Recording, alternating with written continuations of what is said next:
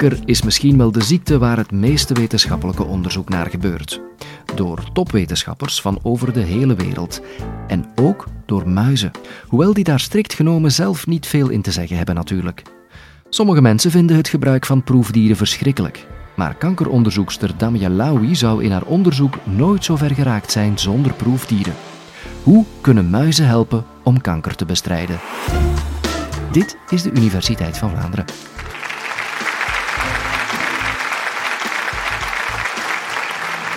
Dit is Kim en haar dochtertje Amelia. En Kim en Amelia die houden heel veel van de natuur en die houden ook van optredens, zoals theater, concerten en zelfs wetenschappelijke colleges. Maar spijtig genoeg kunnen ze er vandaag niet bij zijn, want Kim is hiervoor veel te zwak. Kim heeft namelijk een uitgezaaide vorm van borstkanker. Dat wil zeggen dat haar kankercellen van haar borst naar andere delen van haar lichaam zijn gemigreerd en daar nieuwe tumoren hebben gevormd. En tegen die uitzaaiingen kunnen we eigenlijk nog niet zoveel doen. Daar bestaan niet veel efficiënte therapieën voor. En het probleem is zo erg dat eigenlijk 90 procent van de mensen die aan kanker overlijden, aan uitzaaiing overlijden en niet aan die eerste tumor die ze krijgen. Dus we moeten hier iets tegen doen. Maar om nieuwe therapieën te ontwikkelen, moeten we eerst begrijpen wat kanker is en hoe kanker ontstaat. Nu, kanker ontstaat eigenlijk bij ons eigen normale cellen. En een normale cel kan eigenlijk getransformeerd worden naar een kankercel aan de hand van mutaties in het erfelijk materiaal, in het DNA. En die mutaties kunnen ontstaan door onvermijdbare factoren, zoals ouderdom of erfelijkheid, maar die kunnen ook ontstaan door omgevingsfactoren, zoals uh, tabaksrook, uh, UV-straling van de zon of virusinfecties. En het grootste verschil tussen een kankercel en een normale cel is dat een kankercel zich voortdurend gaat blijven vermenigvuldigen. Die gaat constant delen tot er uiteindelijk een tumor wordt gevormd. En tegen die delende kankercellen hebben onderzoekers al een hele tijd uh, medicijnen proberen te ontwikkelen, zoals bijvoorbeeld chemotherapie of radiotherapie. Die zijn specifiek gericht om delende cellen te vernietigen. Maar het probleem is dat kankercellen niet de enige cellen zijn die ons lichaam delen. Zo delen er ook cellen in onze darmen of onze cellen van ons haar, want ons haar blijft altijd groeien. Dus bij deze therapieën zijn een heleboel neveneffecten aangelinkt, zoals bijvoorbeeld misselijkheid of haaruitval. En trouwens, een tumor ziet er eigenlijk niet zo uit, zoals een blokje aan kankercellen. Een tumor is veel complexer. En eigenlijk moet je een tumor beschouwen als een soort nieuw orgaan dat in bijvoorbeeld Kim haar borst is ontstaan. En naast die kankercellen heb je ook bloedvaten. Die bloedvaten gaan bijvoorbeeld zuurstof en voedingsstoffen geven, zodat de kankercellen beter gaan kunnen blijven overleven. En er gaan ook cellen van het afweersysteem in die bloedvaten in de tumor komen. Die noemen we dan dus de witte bloedcellen, de immuuncellen. En die immuuncellen die zorgen eigenlijk ervoor dat wij een soort een beschermingsmechanisme hebben tegen ziektes zoals kanker. En eigenlijk zou het heel leuk zijn om dat immuunsysteem te versterken, een boost te geven. En dat noemen we dan de immunotherapieën. Maar om het immuunsysteem te bestuderen is niet zo eenvoudig. Dat is een heel complex systeem. En dit kunnen we eigenlijk niet zomaar bestuderen in een, in een proefbuisje, in het labo.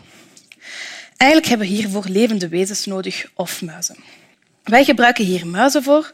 Ten eerste omdat we geen mensen kunnen gebruiken, uiteraard. Maar ook omdat het immuunsysteem van een muis eigenlijk heel hard gelijkt op het immuunsysteem van een mens. Maar we mogen niet zomaar proefdieren gebruiken voor om te even wat. Er zijn heel strikte regels. En de meest bekende regel is de regel van de drie V's. De eerste V staat voor um, vervanging. Indien we een muis zouden kunnen vervangen door een experiment waar geen dieren bij betrokken zijn, dan moeten we dat ook absoluut doen. En zo is het bijvoorbeeld door al die alternatieven mogelijk om geen enkel test meer uit te voeren op cosmetische producten. Dit wordt al jaren niet meer gedaan in België op proefdieren. Hiervoor worden bijvoorbeeld van die plaatjes gebruikt. Nu, de tweede V staat voor vermindering. We moeten eigenlijk statistiek gebruiken om het aantal dieren zo klein mogelijk te houden, maar dat het resultaat nog altijd betekenisvol is.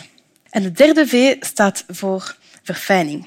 We moeten ervoor zorgen dat onze experimenten zo zijn opgebouwd en dat de muizen zo zijn gehuisvest dat hun dierenwelzijn eigenlijk zo hoog mogelijk is.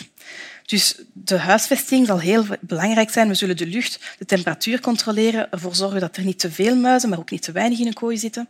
En die kooi zullen ook verrijkt worden. We gaan speeltjes aan die muizen geven, zodat die eigenlijk zo gelukkig mogelijk zijn. En eens dat we een experiment hebben ontwikkeld, kun je dat dan voorleggen voor een ethisch comité. En zij gaan dan kunnen oordelen of het experiment echt nodig is. In dat comité zitten wetenschappers, maar ook dierenartsen, ethici, um, statistici. En die gaan dan zeggen van ja of niet, of dat het experiment door mag gaan. Nu, uit die proefdierexperiment hebben we eigenlijk al heel veel kennis vergaard. Zo weten we dat het immuunsysteem eigenlijk drie grote functies heeft. De eerste functie is eigenlijk het herkennen van vreemde indringers die je lichaam binnenkomen, zoals bacteriën, virussen of kankercellen. Maar die kankercellen zijn niet zo gemakkelijk te herkennen, want die zijn eigenlijk gewoon een getransformeerde versie van je eigen cellen. Nu, de tweede functie van het immuunsysteem is dan om die vreemde indringers, zoals die bacteriën, te doden. En de derde functie is om een geheugen te genereren, zodat indien dezelfde bacterie of virus je lichaam terug aanvalt, dat je die direct kan vernietigen zonder dat je daar weer ziek van wordt. En in een tumor zitten ook specifieke immuuncellen die ook bepaalde functies kunnen uitvoeren. Zo zitten er in een tumor cellen die we dendritische cellen heten. Dat zijn eigenlijk een soort generaalcellen. En dan zijn er ook cellen die we T-cellen noemen. Dat zijn dan een soort soldaten. Die zijn heel goed in het doden van uh, kankercellen. Maar hoe werken die cellen nu eigenlijk samen? Wel, die dendritische cellen, hun functie is dus om die vreemde indringers te herkennen. Die zijn de hele tijd in je lichaam op zoek naar iets vreemds. En als ze dan in een tumor geraken, dan kunnen ze een kankercel potentieel herkennen. Wat ze dan doen, is een stukje kankercel in zich opnemen en dan gaan ze dat meenemen. Ze gaan uit de tumor gaan migreren tot aan de lymfeknopen. Dat is eigenlijk hun hoofdkwartier. En in die lymfeknopen gaan ze het stukje tumormateriaal, we noemen dat ook het tumorantigen, eigenlijk presenteren aan die T-cellen, die soldaten. En ze gaan zeggen van, zie, er is een indringer, nu moet je de goede wapens nemen tegen die specifieke indringer. En in je lymfeknopen gaan die T-cellen, die soldaten, eigenlijk een enorm leger maken. Die gaan zich ook vermenigvuldigen tot er een T-celleger ontstaat. En dat is een fenomeen dat jullie kennen. Als jullie bijvoorbeeld een keelontsteking hebben, dan gaan jullie ook voelen dat jullie zo van die dikke lymfeknopen beginnen krijgen. Dat is eigenlijk jullie T-celleger. Nu, wanneer dat leger klaar is en bewapend is specifiek tegen die kankercellen, gaan die T-cellen terug van de lymfeknopen naar de tumor. En daar gaan ze in de tumor al die kankercellen beginnen dood te doen. Er komt meer kankercelmateriaal vrij, wordt weer opgenomen door de dendritische cel. En die loop gaat eindelijk voort en voort totdat alle kankercellen vernietigd zijn. Dus eigenlijk hebben we in ons lichaam een supergoed systeem, het immuunsysteem, dat ons kan beschermen. En het is zelfs mogelijk dat bepaalde onder jullie al een mini-tumor hebben gehad, maar dat je dat nooit hebt gemerkt omdat het immuunsysteem dat gewoon heeft onderdrukt. Maar Kim is wel nog altijd ziek. Dus er zijn ook problemen in dit uh, immuunsysteem. En een van die problemen is dat er andere immuuncellen zijn die in de tumor komen en die eigenlijk corrupt zijn. Die gaan slechte, valse signalen krijgen van de kankercellen en die gaan beginnen collaboreren met die kankercellen. En een voorbeeld hiervan zijn macrofagen.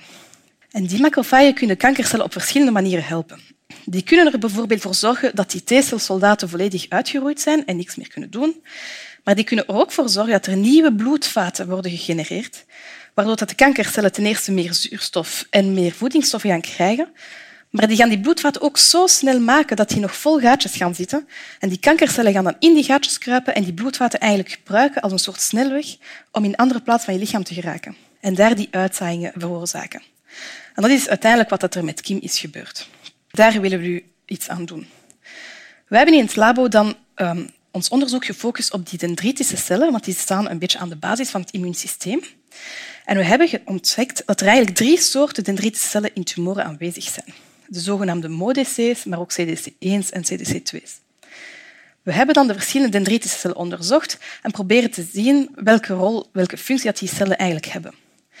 We zagen dat de drie soorten dendritische cellen eigenlijk heel goed zijn in het herkennen van um, die kankercellen. Maar het zijn enkel de CDC1's en de CDC2's die ook naar die lymfeknopen kunnen migreren en de T-cellen kunnen aanzetten tot het doden van kankercellen. En die MODC's die kunnen dat niet, maar daarbovenop gaan die ook die T-cellen ook inhiberen en ervoor zorgen dat die de kankercellen niet meer kunnen uh, vernietigen. Dus die MODC's gaan zich eigenlijk een beetje gedragen zoals die slechte macrofagen. Maar wat wel leuk is, is dat we dankzij die proefdierexperimenten hebben ontdekt dat er twee soorten dendritische cellen zijn die wel een goed potentieel hebben, die we misschien zouden kunnen gebruiken als een soort antikankervaccin. Dat hebben we dan ook uitgetest op proefdieren. Dus als we kankercellen inspuiten in een muis, dan groeit er een tumor. Maar als we die muis dan eerst gaan voorbehandelen, vaccineren met die dendritische cellen, de goeie, die uit een tumor komt, en dan kankercellen inspuiten in de muis, wel, dan is die muis eigenlijk beschermd tegen kanker. We hebben dat gedaan met CDC1 en we zagen dat die muis veel meer van die soldaten had. En dit werkte heel goed voor huidkanker bijvoorbeeld. We hebben hetzelfde experiment uitgevoerd met de CDC2's.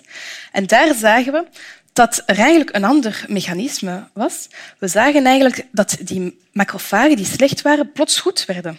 En ook een anti-kankerrol hadden. En dit werkte dan goed in longkanker en in borstkanker. Nu, dankzij die proefdieren hebben we heel veel leuke resultaten uh, gegenereerd. En hoe kunnen proefdieren ons nu helpen kanker te genezen? Wel, de volgende stap die we gaan zetten is om deze therapie te vertalen bij de mensen. Dus het idee is dat een patiënt, zoals Kim, die een, kanker, een borsttumor heeft, die, haar tumor zouden we chirurgisch kunnen verwijderen door een oncoloog, zoals dat nu al gebeurt. Daar zouden we specifiek de goede dendritische cellen kunnen uit isoleren en teruggeven aan Kim als een soort vaccin. Dus haar eigen cellen, het is een persoonlijke therapie, zodat Kim niet meer zou hervallen aan kanker en ook geen uitzaaiingen zou krijgen. Dus dankzij die muisexperimenten zou Kim potentieel langer kunnen leven. Muizen als proefdieren. Niet iedereen vindt het een fijn idee, maar het helpt het kankeronderzoek alvast vooruit. Hoor je liever iets anders over dieren? We hebben ook een podcast over of honden kunnen slagen voor een wiskunde-examen, waarom vissen depressiever zijn dan vroeger en waarom je kat je kopjes geeft. Bedankt om te luisteren en abonneer je ook op de podcast, zodat je geen enkele aflevering mist.